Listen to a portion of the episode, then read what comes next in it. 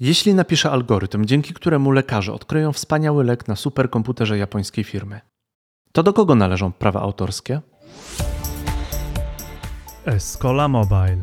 Biznes masz w kieszeni. W tym odcinku porozmawiamy, jak sztuczna inteligencja może wpływać na nasz biznes. Omówimy działania w kontekście regulacji dotyczące sztucznej inteligencji, w tym najnowsze przepisy AI Act i ich wpływ na przedsiębiorców. Czy AI Act może zmienić zasady gry dla Twojego biznesu? Zagłębimy się także w tematykę praw autorskich w kontekście AI. Czy sztuczna inteligencja może być twórcą dzieł sztuki, jeżeli mamy termsy, sugestie, copyright, copyleft, a do tego RODO i własność kodu? A co się stanie, jeśli dowiesz się, że ktoś może sklonować Twój głos bez Twojej zgody? Z pewnością warto zasięgnąć opinii prawnika. I tu powstaje kolejna przestrzeń. Juryści wykorzystują sztuczną inteligencję do swojej pracy. Jeśli chcesz wzmocnić firmę z pomocą AI, szukasz analizy biznesowej, chcesz zrobić aplikację mobilną lub webową, wejdź na naszą stronę escola.pl. W prawym górnym rogu kliknij wyceń projekt i daj nam znać, jak możemy Ci pomóc. Dzień dobry, dzień dobry, to jest Escola Mobile Live. Dzisiaj mam bardzo specjalną gościnę, Aleksandra Maciejewicz. Cześć. Cześć. Prawniczka, rzeczniczka patentowa, co-founderka Lomo, jednej z najbardziej aktywnych kancelarii, jeśli chodzi o transakcje wśród startupów, współpracę z VC. I dzisiaj tematem naszej rozmowy będzie AI i to wszystko, co się prawnie dzieje wokół sztucznej inteligencji. No i mam, mam nadzieję, że nie tylko.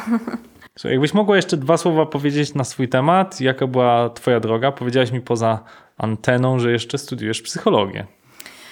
Tak, to jest właśnie wątek.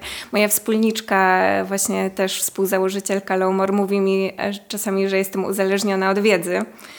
E, I tak ta psychologia no, przydaje się chociażby w kontekście sztucznej inteligencji, ale też obserwacji właśnie, co się dzieje wśród startupów, ale to może już taki bardziej wątek nieprawniczy.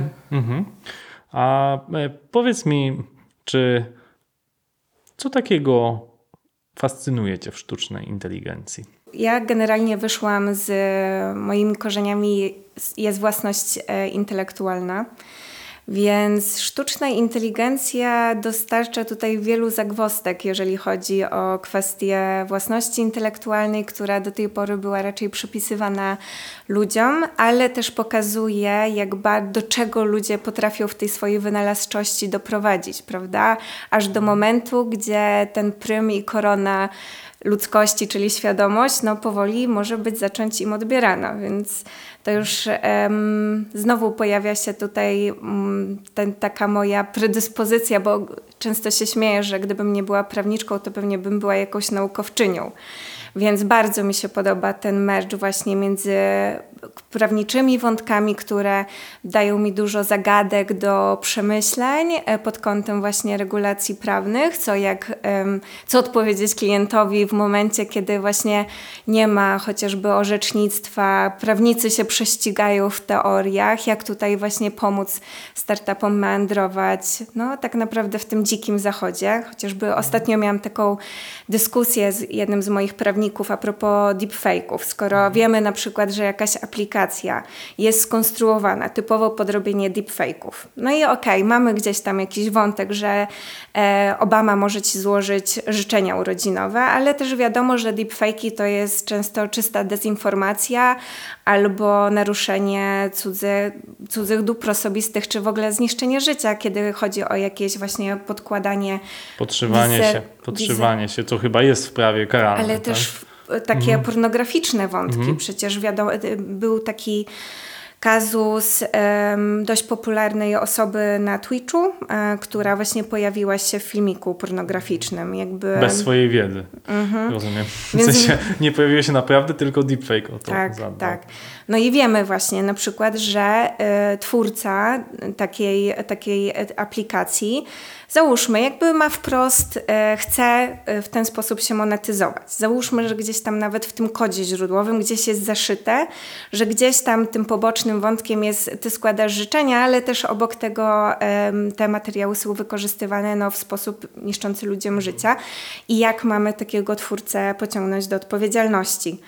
Więc e, tutaj jest wiele takich e, kwestii, gdzie no już wiesz, pytamy się o etykę, jak my prawnicy możemy dbać o tę etykę, polepszać ten świat, a z drugiej strony właśnie te wątki innowacyjności, jak czytam właśnie, bardzo mi się podobała rozmowa z chociażby Piotrem Ziętarą, który jest właścicielem Software House, ale jest również filozofem, więc takie rozmowy to są po prostu dla mnie czyste endorfiny i cieszę się w tym momencie, że no, robię tą pracę, którą robię.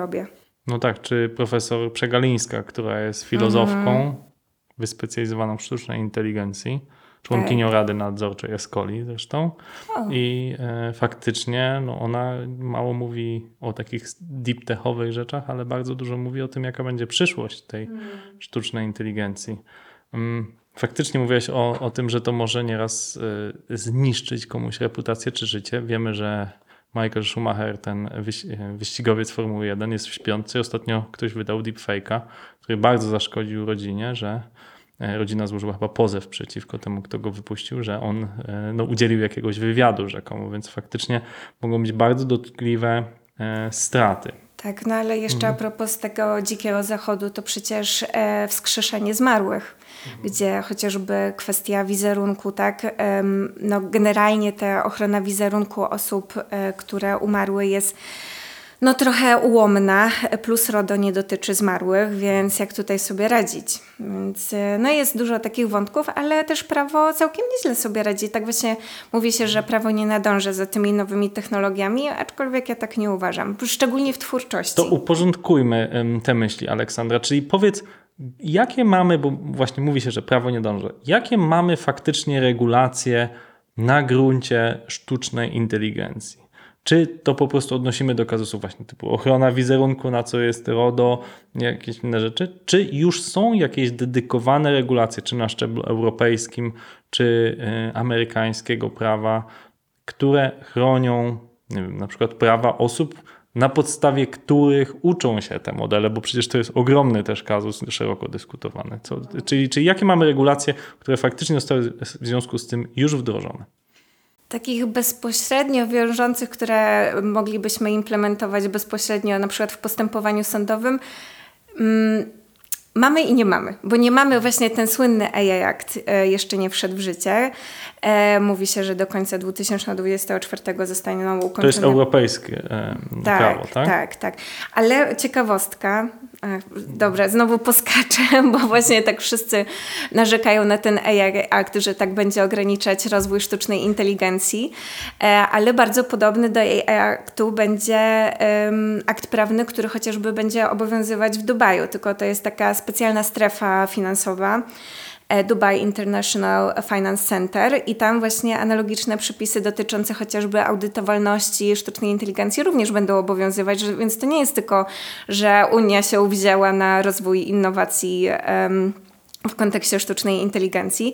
Więc tak, AI Act, rozporządzenie, które będzie w ogóle obowiązywać analogicznie do RODO, czyli bezpośrednio w porządku prawnym państw członkowskich, czyli nie tak jak dyrektywa, bo już zostaje jedna dyrektywa właśnie przyjęta dotycząca odpowiedzialności szczególnie sztucznej inteligencji, ale ona musi być implementowana za pomocą ustaw e, państw członkowskich, więc ona jeszcze nie, nie obowiązuje bezpośrednio, ale uważam, no i tam są jakieś poszczególne, UK wydało white paper odnośnie właśnie, czyli taki... Czyli na razie to są bardziej takie regulacje, dyrektywy, wskazówki, ale nie ma czegoś takiego, co moglibyśmy porównać z RODO, tak? Bo przecież RODO też jest pochodną, że kiedyś były te e, kwestie chyba od 2012, to już z dekadę trwa, że były kwestie ochrony prywatności istniały, tylko nie było karalne, więc wszyscy tak trochę do tego podchodzili na spokojnie i dopiero jak weszło faktycznie RODO czy też GDPR no, i zaczęły się y, jakaś penalizacja tego, no to faktycznie za, zaczęło się egzekwowanie.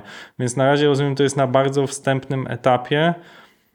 Act? Mhm. E, nie, już myślę, że to jest inaczej. Jakby to jest już końcówka prac, bo ten pierwszy projekt jest z 2001. E, teraz będzie w połowie czerwca głosowanie Parlamentu Komisji i Rady Europejskiej właśnie w kontekście, no mam już nadzieję, że taka końcówka, ukształtowanie e, końcowej wersji AI Aktu. I no rzeczywiście potem jeszcze musi być taki moment, kiedy, żeby firmy się przyzwyczajały, przyzwyczaj, hmm, zaczęły wdrażać poszczególne postanowienia, hmm. więc pewnie jeszcze A czy możesz tak powiedzieć, Aleksandra, co to będzie oznaczało choćby dla takiej firmy jak Escola, czy naszych słuchaczy, czyli menedżerów, founderów różnych firm technologicznych, około technologicznych, marketingowych. Jak to może w potencjale mm, roku, dwóch wpłynąć na nasz biznes? A, zależy od tego, e, jaką, jak niebezpieczną sztuczną inteligencję stosujecie, bo tam jest ta gradacja od niedozwolonych, ale to może zostawmy, bo niedozwolone, no to wiadomo, niedozwolone po prostu, e, po wysokiego ryzyka, które będą certyfikowane, będą e, musiały spełniać odpowiednie wymogi. Bardzo podobny będzie system jak z wyrobami medycznymi, w sensie, że będzie organ, który będzie się certyfikował, sprawdzał, etc. Musisz tam odpowiednią sprawozdawczość, e, też spełnić. A propos tego właśnie, jeżeli coś się stanie, no to musisz pokazać, co za dane treningowe i tak dalej, jak to audytowałeś, nadzorowałeś. E, plus e, właśnie to ostatnie, właśnie majowe głosowanie komisji też um, wzięły pod uwagę generatywną AI. Czyli to już będzie bardziej... Czyli to jak promptujemy, tak można powiedzieć, bo mm, w mhm. praktyce się zastanawiam, mm, niezwykle przyspiesza naszą pracę jako programistów, firm programistycznych na rozwiązania klasy GitHub Copilot, które wspomagają nam tworzenie kodu, czy dla agencji marketingowej te wszystkie DALI, Mid Journey i tak dalej. Już pomijam copywriting z czatem GPT, no i e, czy to w jakiś sposób będzie ograniczać nasze, że e, jakieś tam, że tak powiem, prawo, możliwość korzystania z tego, że to właśnie będę musiał podać choćby nawet, bo dla mnie zaskakujące jest no, prawo autorskie. Jest dużo kazusów już, czy ktoś, jeżeli coś wygenerował, czy jest właścicielem tego, czy twórcy tego oprogramowania tego są, czy, czy właściwie kto? Kto jest mm -hmm. właścicielem tego, co ja tam zapromptowałem? Mm -hmm. Hmm. Dlaczego powiedziałam, że piękny wątek? E, bo wiem, że mam zakazane używanie słowa to zależy. Możesz e... powiedzieć od czego zależy, wtedy, tak, wtedy jest tak. ok. Właśnie kontynuacja. Mhm. E, generalnie e, uważa się... Mm, zastanawiam się, od czego zacząć, żeby e, zaraz tutaj nie wpaść w milion dygresji. Od początku. Mhm. Dobra, to zacznijmy od tego, że e, jakiś czas temu była de decyzja, czy takie guidelines bardziej. Zaczęło się oczywiście od decyzji Copyright Office ze Stanów Zjednoczonych, takiego organu, który mówi, czy coś podlega pod ochronę prawo, e, prawną autorską, czy nie, komiksu.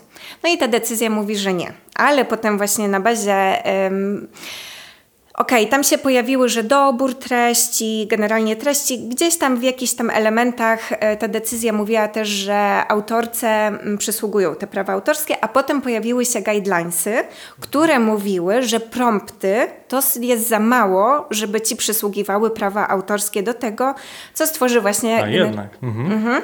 Ale to, jest, e, to są Stany Zjednoczone.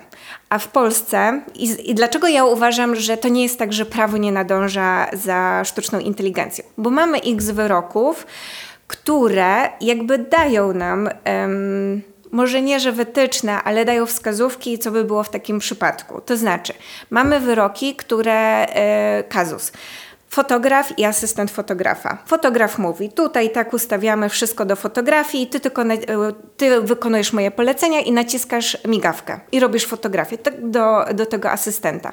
I na koniec dnia okazuje się, że sąd orzeka, że to fotograf jest właścicielem praw autorskich do tej fotografii, a nie asystent, który teoretycznie wszystko wykonywał według poleceń. Poleceń. Tutaj słowo kluczowe, prawda? Więc jeżeli jakiś tam stopień tych twoich wskazówek i poleceń były wystarczające, żeby określić, że na koniec dnia to Twój przejaw działalności twórczej o oryginalnym charakterze, czy tam indywidualnym charakterze, no to według mnie można tutaj walczyć o prawa autorskie do tego, co ta sztuczna inteligencja stworzy. Ale inne kazusy. Mamy pracę doktorską czy tam magisterską i mamy promotora. I też promotor mówi, tu wytyczna taka, to zrób tak, to popraw inaczej no tak. jeszcze. I czy on ma prawa autorskie do tej pracy? Nie. Okej, Zazwyczaj czyli nie. zależy jak dużo jest tych wytycznych, no bo no, I Jak zakładamy, bardzo one są twórcze, czy zakładamy- są rzemieślnicze, czy są eksperckie, czy są właśnie takie, które nie pozwolą powiedzieć, że to jest właśnie ten indywidualny charakter. No, tam jest dużo takich e, niuansów i niuansików, no bo znowu, prawda, e, te dane treningowe, które są zmieniane w tokeny. Mówi się na przykład, że krótkie jednostki słowne nie są chronione prawem autorskim. Mamy kazus Machulskiego, ciemność widzę ciemność, gdzie sąd orzeka, że nie, to nie jest chronione prawem autorskim. I mamy Rodowicz, gdzie e, wsiąść do pociągu byle jakiego zostało objęte prawami autorskimi. Więc to nie jest kwestia sztucznej inteligencji, tylko, Tylko to jest określenia, na ile to jest oryginalne, na ile to jest wyg- e, jeszcze czegoś innego. Ja uważam, że to jest po prostu kwestia domena twórczości, y, właśnie własności intelektualnej. Tutaj się nie da powiedzieć, że no dobrze, tutaj mamy granicę A i już nie ma inspiracji i jest, są prawa zależne, a tutaj mamy granicę B i to już jest chronione prawem autorskim, a, a po tej drugiej stronie tej granicy już nie. Jakby... Ale chcę jeszcze przedyskutować ten kazus, o którym mówisz o tych fotografach, bo w żadnym z tych, tych sytuacji, o których mówisz, nie ma zaznaczone, że twórca aparatu fotograficznego, sprzętu, statywu, który on wykorzystał, ma te prawa. Bo coś, co mnie zastanawia, to na ile ci, którzy stworzyli ten czat GPT, mają prawa autorskie do tego, co ja wytwarzam. Tak jak był duży, dużo jest case'ów, też w zasadzie y, mówimy o sztucznej inteligencji, o samochodach autonomicznych, gdzie kończy się odpowiedzialność twórcy maszyny, a gdzie jestem ja jako kierowca, który nie zareagował w odpowiednim momencie. Więc z tych kazusów, które opowiadasz, raczej to my jesteśmy odpowiedzialni i nie raczej y, ci twórcy ChatGPT nie będą, czy innych mm, genera- narzędzi do generatywnego AI, raczej nie przyjdą do nas po prawa autorskie. To znaczy znowu, co tam się zaszyje w kodzie, albo jakby do czego wskażesz, do czego służy to narzędzie, no bo chomikuj przecież też jakby może być neutralnym, wirtualnym dyskiem, a może być piracką zbieraniną treści. E, I znowu mamy, teraz już chyba dekadę trwał, e, trwał ten proces chomikuj, no i w jednym kazusie stwierdzono, że jakby jest współsprawstwo, jest ta współodpowiedzialność właśnie za to, że tam dochodziło do naruszeń praw autorskich, a w innym kazusie tam e, to z filmowcami przegrali, ale już z wydawcami wygrali, więc jakby... Mm, Tutaj, ale znowu to nie jest kwestia tego, czy e, jakby co to prawo robi, czy nadąża, nie nadąża ze sztuczną inteligencją, bo przecież też sztuczną inteligencję mamy a propos odpowiedzialności bardzo szeroko już omówioną, e, jeżeli chodzi o medycynę, bo tam ta sztuczna inteligencja do diagnozy, etc. Mówi się nawet, że jeżeli szpital nie wykorzystuje sztucznej inteligencji e, w swojej działalności, to właśnie w tym momencie może być po, pociągnięty do odpowiedzialności. To bardzo ciekawe, co mówisz, bo faktycznie e, 11 listopada e, zeszłego 22 roku była odsłona upublicznienia tego czata GPT, czy wersji tam 3,5. I Ludzie się tym zafascynowali, to odkryli. Natomiast faktycznie do detekcji chorób, czy do mm, kwestii naszej oceny, naszej zdolności kredytowej, czy wykrywania przestępstw cybersecurity, jeżeli e, nasi słuchacze korzystają z praktycznie z dowolnego banku w Polsce, to już w tej chwili odsiewanie e, faktycznie jakichś niebezpiecznych zachowań w bankowości, to głównie robi sztuczna inteligencja. W sensie statystyka wykrywa po prostu na dużych zbiorach danych, to, to słynne big data, e, wykrywa na ile te zachowania odbiegają od normy, tak? Czyli na przykład robimy nagle mm, e, jakieś transakcje z e, Zanzibaru, a jesteśmy w nim pierwszy raz i, i, i jest to transakcja dosyć niezwykła, więc może być wykryta i sprawdzona potem albo przez człowieka, albo bank, ktoś z banku zadzwoni i będzie weryfikował. E, I to już się dzieje na bardzo szeroką skalę. To I samo od wielu lat. E, Tak, to samo w medycynie. Jest to pewne odkrycie, po prostu stało się to użyteczne dla każdego. Ale w diagnostyce mówi się, że sztuczna inteligencja ma wyższą skuteczność niż lekarze, więc No, ponieważ model jesteśmy ten e, nauczyć znacznie szybciej niż 6 lat medycyny, rok stażu i 6 lat specjalizacji. To jest przewaga sztucznej inteligencji. Mm, I, i chciałem Cię w związku z tym zapytać, bo mm, ja też przeprowadziłem kilka, kilka dużych projektów badawczych na temat wykrywania spektrum autyzmu, e, e, czy próby stworzenia takiego adaptywnego uczenia się. I to zawsze wymaga jakichś bardzo dużych zbiorów danych. E, I te zbiory danych no, są po prostu bardzo drogie, żeby je pozyskać. No i kwestia jest taka, czy ty widzisz, że mm, jak, w jaki sposób można z kolei chronić to, te zbiory danych. Co mam na myśli? Jeśli w tej chwili ChatGPT się wytrenował na ogromnych zbiorach danych, czy kolejne te, te generatywne AI uczą się choćby na obrazach, czy jeżeli moja żona jest malarką i na jej obrazach trenował się e, dany model, czy ona może się domagać jakiegoś, jakiejś cząstki przychodów od danego mm, twórcy? No mhm. przecież e, ktoś skorzystał z jej dzieła, no wprawdzie tylko do wytrenowania modelu, no ale to są mhm. jej objęte prawami autorskimi, te obrazy są sprzedawane. Czy ona może się domagać pieniędzy, jakiegoś udziału w zyskach, tak, na takiej zasadzie jak Sapkowski domaga się od CD Projektu swoich, mm -hmm. swoich pieniędzy. O, Sapkowski to jest klauzula bestsellerowa, trochę inny wątek. Mhm. E, ale tak, no, jakby my prawnicy czekamy z zapartym tchem na wyrok w sprawie Andersen, prawda? Bo mhm. tam te trzy twórczynie, graficzki e, mhm. pierwsze powołały przepraszam, pozwały, e, no może nie pierwsza, ale to jest taki mhm. pierwszy medialny pierwszy proces. Mhm. mhm. No, jeszcze tutaj wyroku nie ma, zobaczymy, co z tego będzie. A jak ale... przewidujesz, jakbyś miała właśnie jakąś hipotezę postawić? Jak to się skończy? Hmm, hipoteza. Ja się jednak przychylam e, do tego, że jeżeli tam dochodziło do kopiowania tych dział, no to jednak to będzie ewidentne wejście w pole eksploatacji, które jakby pole eksploatacji normalnie przecież się wpisuje w umowy licencyjne, jakby tutaj nie ma żadnych pytań o to. Ale jeżeli się okaże, że jakby.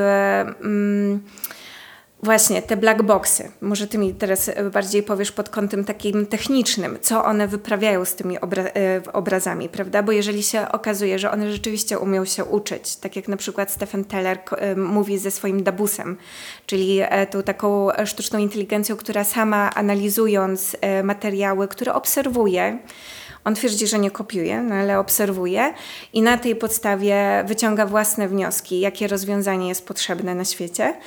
Więc to będzie zależało, czy tam rzeczywiście dochodzi e, do e, wejścia w pola eksploatacji prawa autorskiego, no to wtedy mamy to naruszenie, no bo jest kopiowanie, czy tam właśnie korzystanie na polach eksploatacji, które normalnie są objęte licencją, albo mamy kazus, gdzie po prostu ja jestem studentką SP i obserwuję obrazy twojej żony i po prostu się inspiruję tymi obrazami. No tak, to jest, to jest bardzo trudne do odpowiedzenia. No masz rację, kopiowanie jest jakby zakazane, natomiast obserwowanie, pójście do galerii, uczenie się nie jest zakazane. Hmm. Ale to jest też wątek, który mam nadzieję wyjaśnił też interpretację takiej dyrektywy e, o jednolitym rynku cyfrowym, e, bo tam mamy coś analogicznego do dozwolonego użytku a propos data mining, eksploracja danych, tak to można na polski bodajże przetłumaczyć. I tam generalnie jest dozwolony właśnie taki użytek tej, w kierunku tej eksploracji, chyba że twórca wprost zrobił taki opt-out. Tak jak teraz to, co zrobił e, OpenAI, prawda, że tam możesz swoje dane zgłosić do, żeby opt-outować z tego. Tak, żeby nie przesyłać danych swoich. Chociaż A, to jest to dosyć jest... trudne, bo to chyba tylko w płatnej wersji da się zoptautować tak realnie, a w wersji 3,5 e, bezpłatnej nie da się. To znaczy, z tą, mhm. a bo my mówimy tak, e, jeszcze opt-out, a tam jeszcze włączenie historii. To mhm. mówisz o tym, czy o tym drugim? Mówię o tym, że możesz nie przesyłać swoich danych, jakby, a, żeby tak, dalej tak, się uczyła maszyna. Przez ten taki tak. dziwny formularz? Nie, w tej chwili w wersji 4 tej Pro, no to można, po prostu się tam klika suwaczek. To, nie, tu mhm. mówisz o historii mhm. i to jest właśnie działanie RODO i to jest właśnie ewidentny przykład, jak... Y różne osoby mi mówią, że e, AI Act to właśnie będzie strzał w stopę, jeżeli chodzi o regulacje prawne.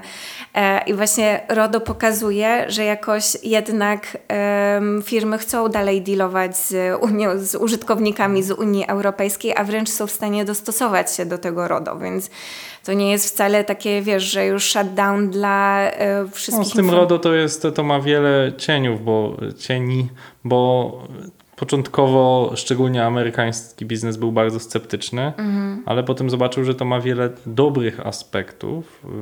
Choćby prawo do zapomnienia, nikt tego nie neguje, że jest dobrym aspektem RODO. Wydaje mi się, że RODO w takim powszechnym mniemaniu jest idiotyczne, to zamykanie tych ciasteczek. ale to jest tylko wierzchołek góry lodowej. Lodo, Mhm. RODO i faktycznie, zresztą RODO nie nakazuje nigdzie wyświetlać pop-upu z ciasteczkami, wystarczy to wpisać na stronie albo w regulamin w widocznym miejscu i tak, ma, jak wejdziesz na stronę e, polskiego w tym zakresie Mhm. regulatora, to oni nie mają wyskakującego banera identycznego, mają na stronie informację. A, być może, bo No. mają techniczne, bo to zależy też od rodzaju e, ciasteczek. Jeżeli to są te niezbędne, to tam nie trzeba rzeczywiście zgody, ale jeżeli masz innego rodzaju, no to już mamy wyrok CUE. W sensie Że czy- musi być wtedy ten pop-upik. Okej, no to dobrze, że rozmawiamy. To się też uczę cały czas, jak nasz prezydent. E, i, e, ale zmierzam do tego, że nie jest to wymagane, ale ponieważ chce, chcą wszyscy zbierać te ciastka, to wyskakują te pop-upy i ludziom to zjada faktycznie jest kawałek życia bez sensu. Natomiast wiele aspektów RODO jest bardzo pozytywnie odbieranych i to choćby właśnie to wspomniane prawo do zapomnienia jest, y, wydaje mi się, y, czymś, z czym wszyscy się zgadzają i big tech, i indywidualni użytkownicy. Ale może zboczmy z RODO w kierunku tego e, AI, bo ws- wspomnieliśmy na ile ten model się uczy naszymi danymi, ok, że możemy też zrobić opt-out z tego, żeby się na nas nie uczył, ale y, dalej jest to zastanawiające dla mnie, bo obawą chyba, którą podziela wiele osób, jest to, że któregoś dnia będzie mało kreatywnej muzyki robionej naprawdę przez ludzi, że na tyle dobrze będziemy mogli miksować y, głos, muzykę, obraz, że to no, autentycznie zabierze pracę twórcom. I jak e, w Polsce słuchacze mogą posłuchać audycji radiowej, choćby głosem Jarka Kuźniara, e, to to brzmi totalnie autentycznie. I wystarczy przygotować tekst i on nie musi już tego czytać. Mamy teraz case e, profesor Przegalińskiej, która również się w pewien sposób sklonowała do AI i to działa bardzo autentycznie.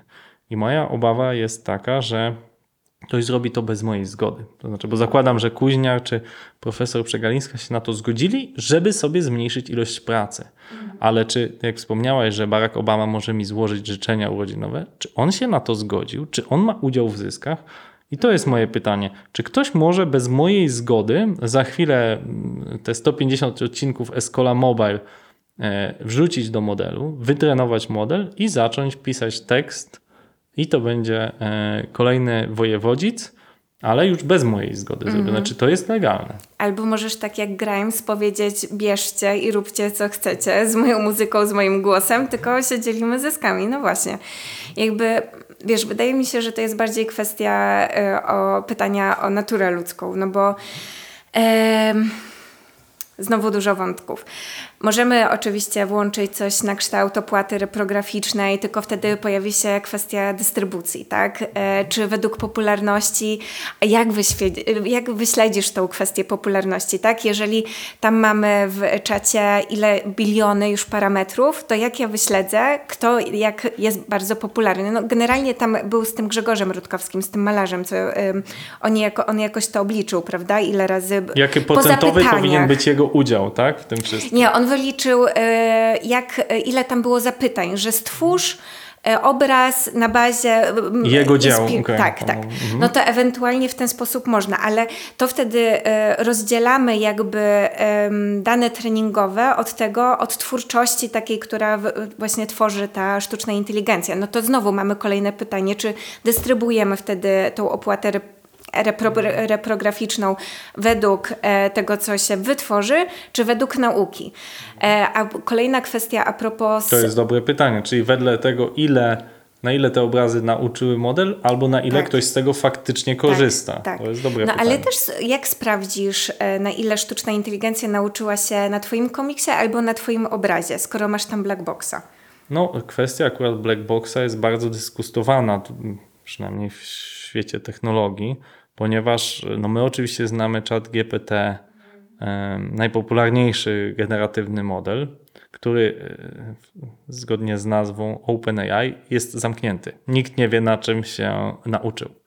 Tam są pewne wskazówki, że co do ilości danych, że w dużej mierze korzystał z Wikipedii, z dzieł naukowych, ale nie podaje OpenAI, jak sama nazwa wskazuje, z czego on się nauczył. Natomiast są inne modele, choćby zrobione przez znaną wszystkim firmę Meta, twórców Facebooka. Ich model jest open source'owy i dokładnie e, Facebook, e, Meta podaje, na czym on się nauczył. Czy bodajże Antologic też podaje, że na czym nauczył się ich model. i I, to jest zasadnicza różnica, bo jeśli my wiemy, na czym się nauczył, to to zmienia nasze podejście. Podam bardzo praktyczny przykład. Przychodzisz po kredyt do banku. Będzie banku PKO.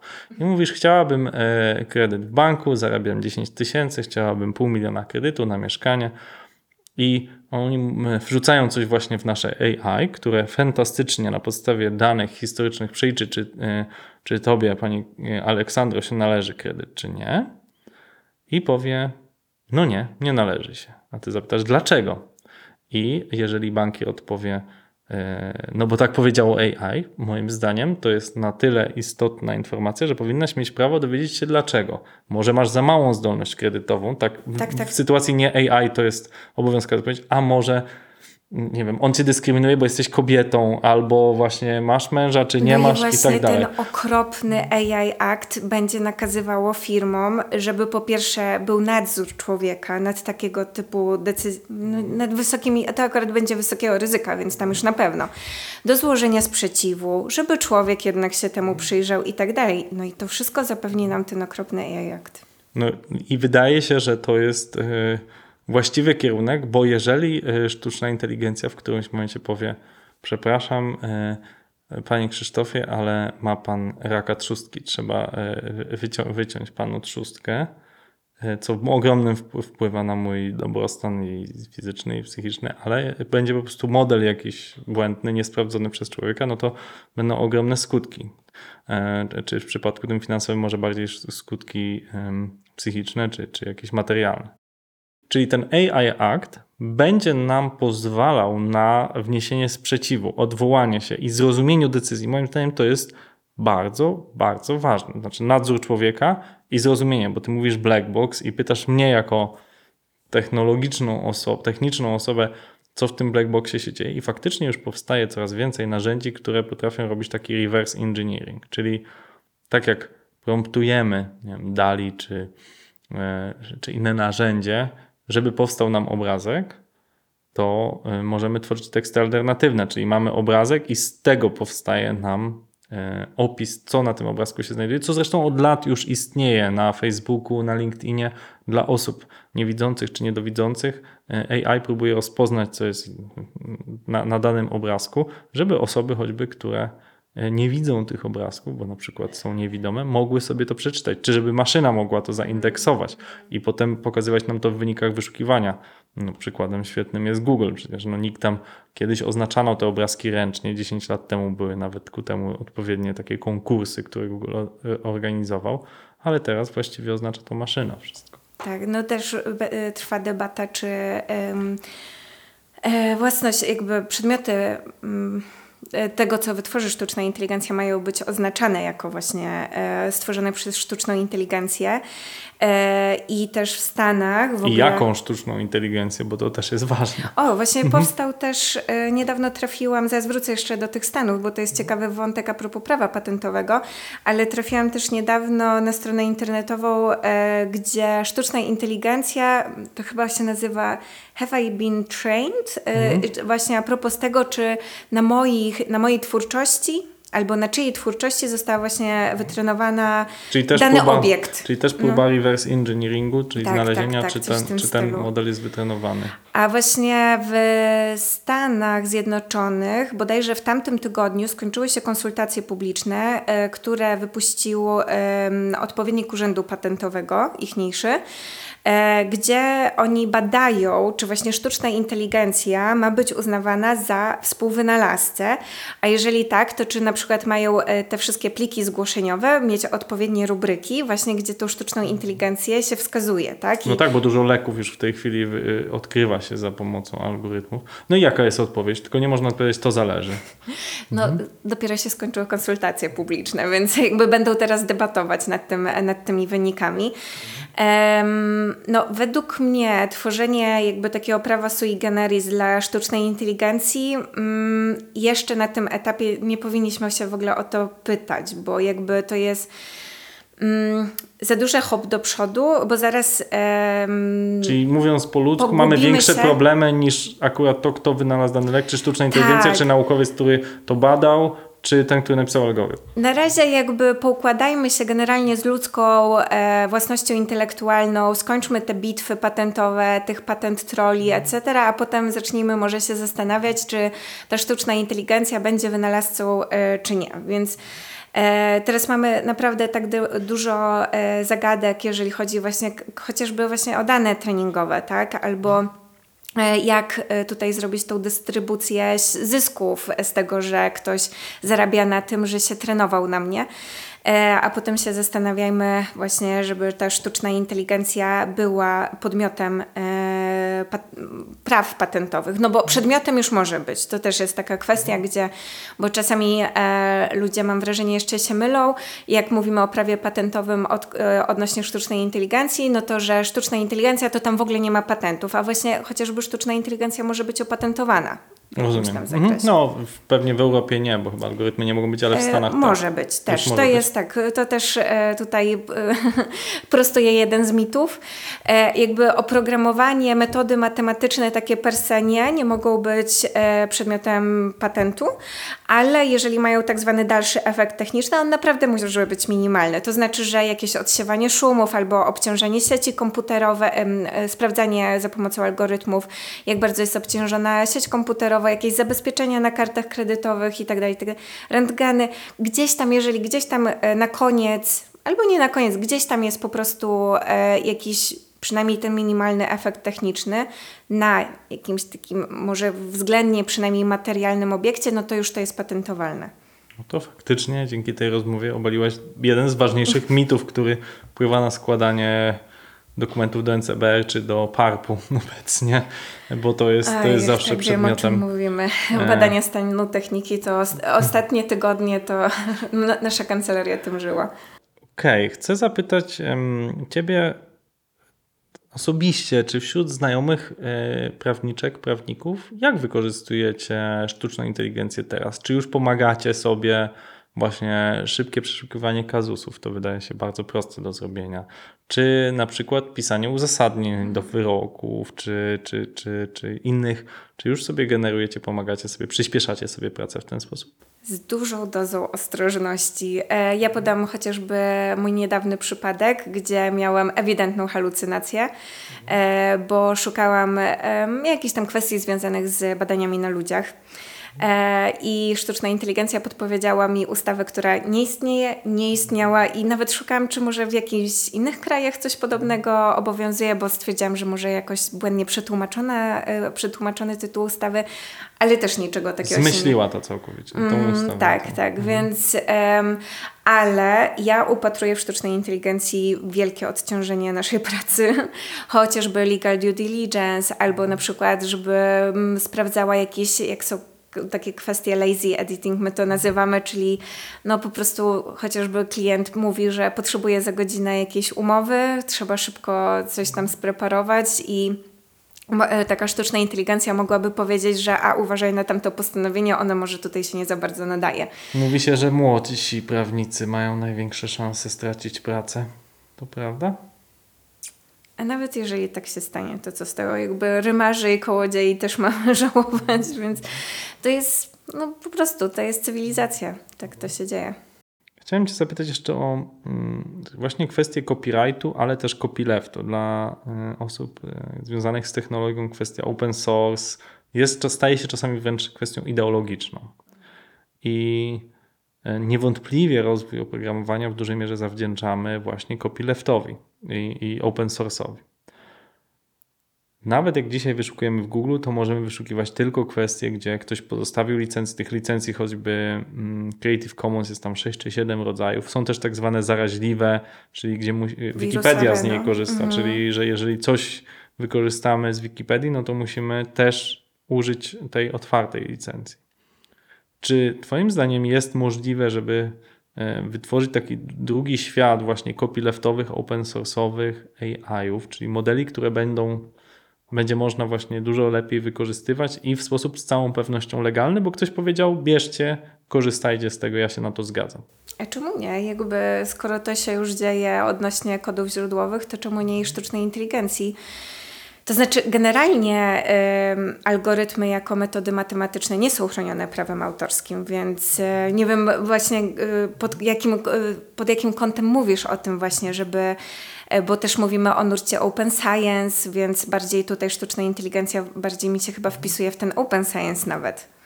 Czy jeszcze o coś innego ci chodziło? Ja, ja pytam o to, że w tej chwili rozmawialiśmy przed chwilą, że pewne y, twórcy nie wiem, obrazów, muzyki, filmów nie zgadzają się w większości na wykorzystanie tej sztucznej inteligencji. Więc pojawiają się takie ruchy, że tam wstawiają sobie obrazki, że się nie zgadzają na bycie szczytywanym, Tak, no trend do trenowania modeli, co jest w pewnym sensie zrozumiałe, bo czują gdzieś w powietrzu, że to może w jakiś sposób zmniejszyć ilość ich kreatywnej pracy.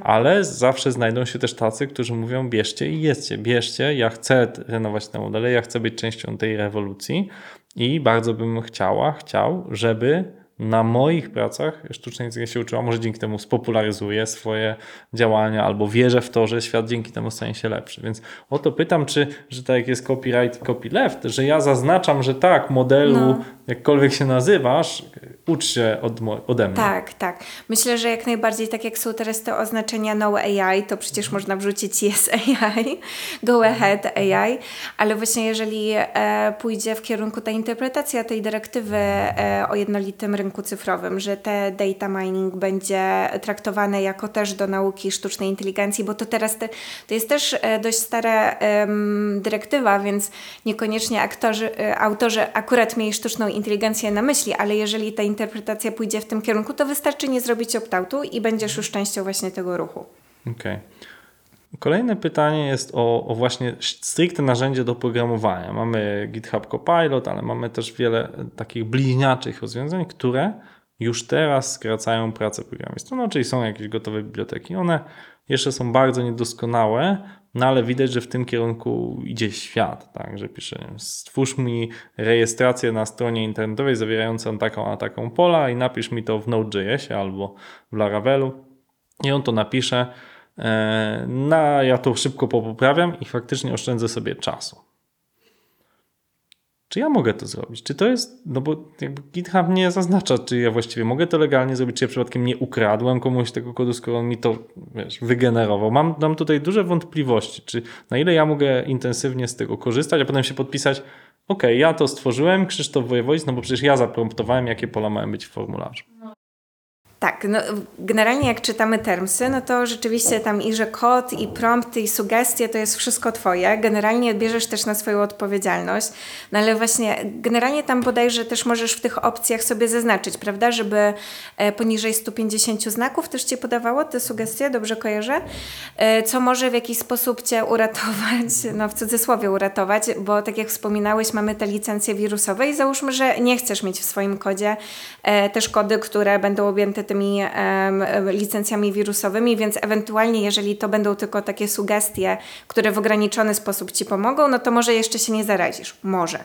No bo to też jest kwestia, wiesz, prawo amerykańskie, jak to będzie interpretowane na miejscu, e, czy właśnie już jak mówimy o utworach zależnych, czy już te 150 znaków to utwór zależny, czy nie. Więc tam e, też wchodzą jakieś wątpliwości, ale no właśnie, przecież jeżeli e, wytwory sztucznej inteligencji nie są chronione prawem autorskim, no bo taki prompt, że chce reje- rejestrację albo jeżeli to nie jest jakiś e, zaawansowany Wyjątkowo feature, oryginalny. Tak, tak.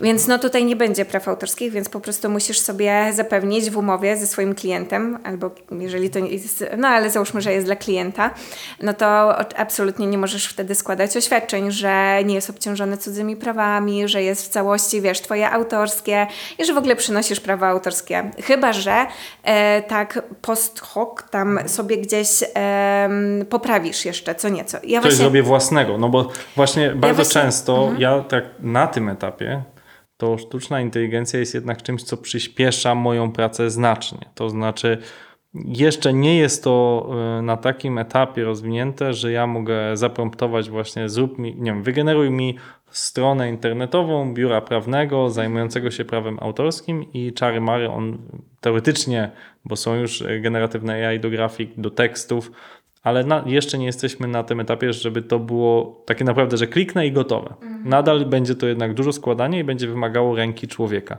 Ale zastanawiam się, co będzie za 3, 5, 7 lat.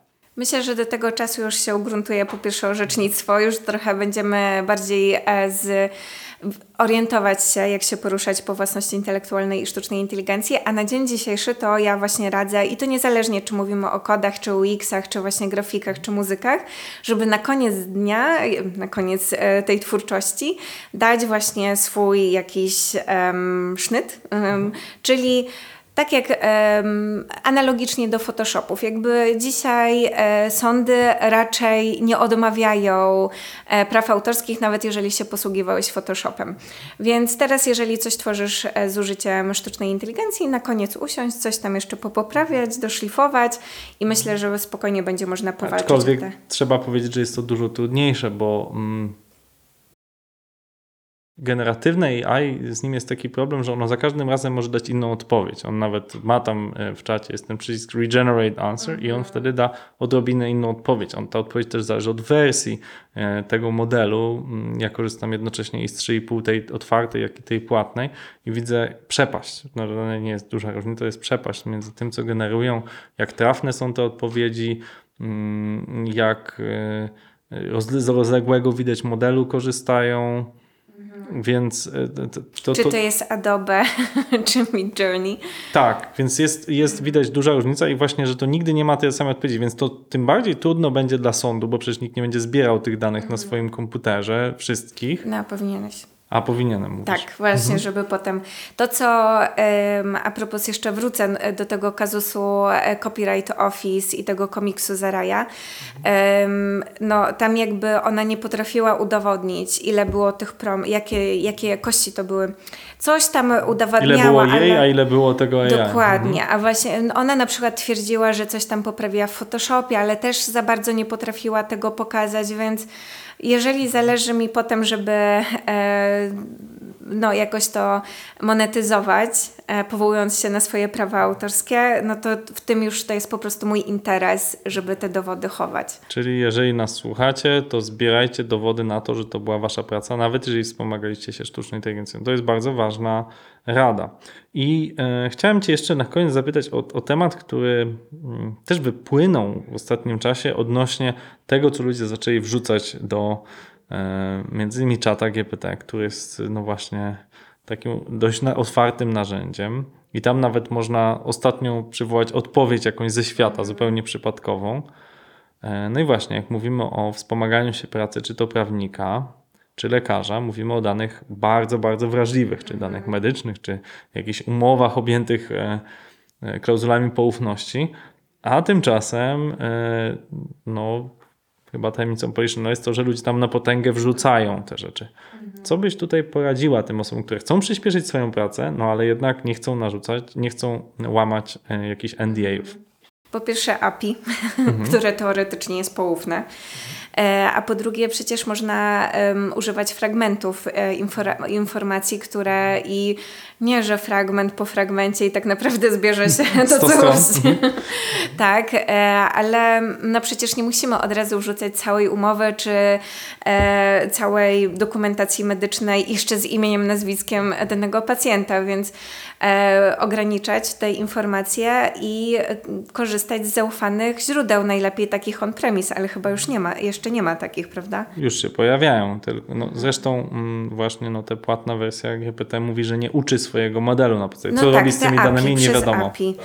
Ale właśnie, no z copilotem e, mamy teoretycznie, że wyłączasz i e, siebie jako dane treningowe i sugestie, etc., ale z drugiej strony, jak wejdziesz w ich privacy, no to oni tak piszą, w jaki sposób dochowują, dochowują poufności, no i tam, że szyfrowanie, serwery takie i przesył danych taki e, i ograniczona liczba osób, które mają dostęp e, do tych data i tam są twoi współpracownicy, którym nadasz uprawnienia e, i pracownicy OpenAI. I właśnie i się zastanawiasz jakby okej, okay, no to jest to prywatne, czy nie jest prywatne, więc... No tak, to jest taka trochę fałszywe przekonanie, w którym żyjemy, bo przecież no, tak samo zbiera nasze dane Google, zbiera dane, jak wysyłamy sobie maile i to tak znaczy, dalej. To znaczy tam analityczne to, to wprost wskazują, że mogą. No właśnie, to jest takie trochę założenie, w którym żyjemy, że tych danych tym czacie, w tym Gmailu, w tym Google'u, czy nawet jak na telefonie korzystamy z Androida czy, czy z Apple, jest na tyle dużo, że nikt tam nie siedzi i nie czyta tego Mhm. kropka po kropce, bo by po prostu za, du- za za dużo miał do czytania. No teoretycznie tak, no ale wiesz, wiesz a dłu- dłuższy wątek a propos prywatności, a teraz co się okazało, że TikTok ma backdora do, dla chińskiej partii komunistycznej, więc... e, Hmm, to chyba, to się, to też- chyba nie jest jakaś nowość.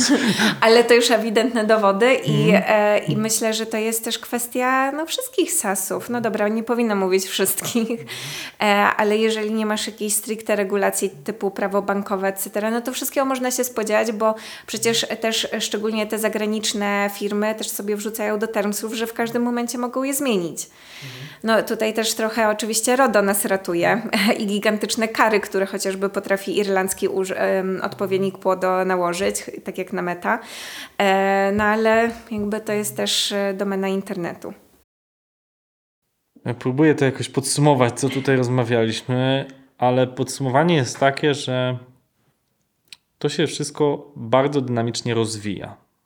Czyli jesteśmy na samym początku tej drogi, na tej krzywej innowacji jesteśmy na bardzo dużej krzywej wznoszącej się zarówno od strony technologii. To jest ciekawe, bo e, OpenAI jako firma istnieje od 2016 roku.